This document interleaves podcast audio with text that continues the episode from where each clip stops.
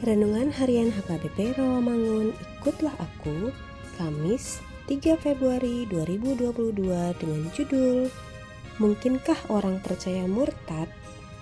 Bacaan kita pagi ini tertulis dalam 2 Korintus 4 ayat 13 sampai 18 dan bacaan kita malam ini tertulis dalam Yohanes 7 ayat 37 sampai 52.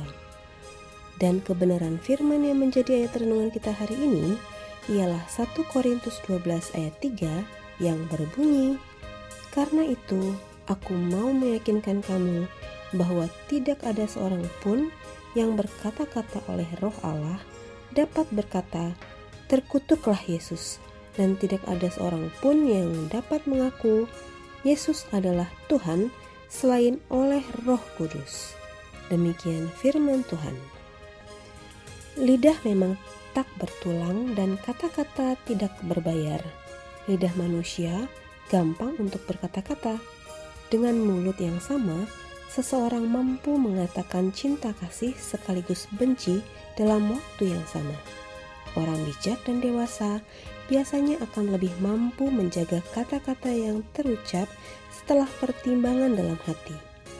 Namun demikian, bisa juga di suatu saat tertentu dari mulutnya pun keluar kata yang tidak pantas.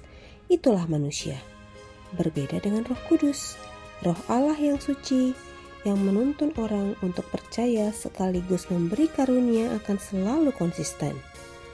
Roh Kudus adalah kekal selamanya, sehingga Dia tidak akan berubah-ubah.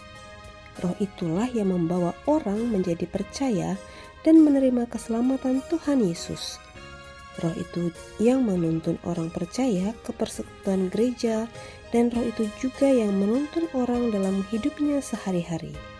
Jadi, mungkinkah roh kudus akan menyangkal Yesus Kristus? Tidak. Mungkinkah orang percaya menyangkal Yesus? Tidak. Siapa yang menyangkal Yesus? Mereka yang tidak percaya. Jadi, Kenapa ada orang yang murtad? Sesungguhnya mereka bukanlah orang yang percaya dengan tuntunan Roh Kudus. Mari kita berdoa.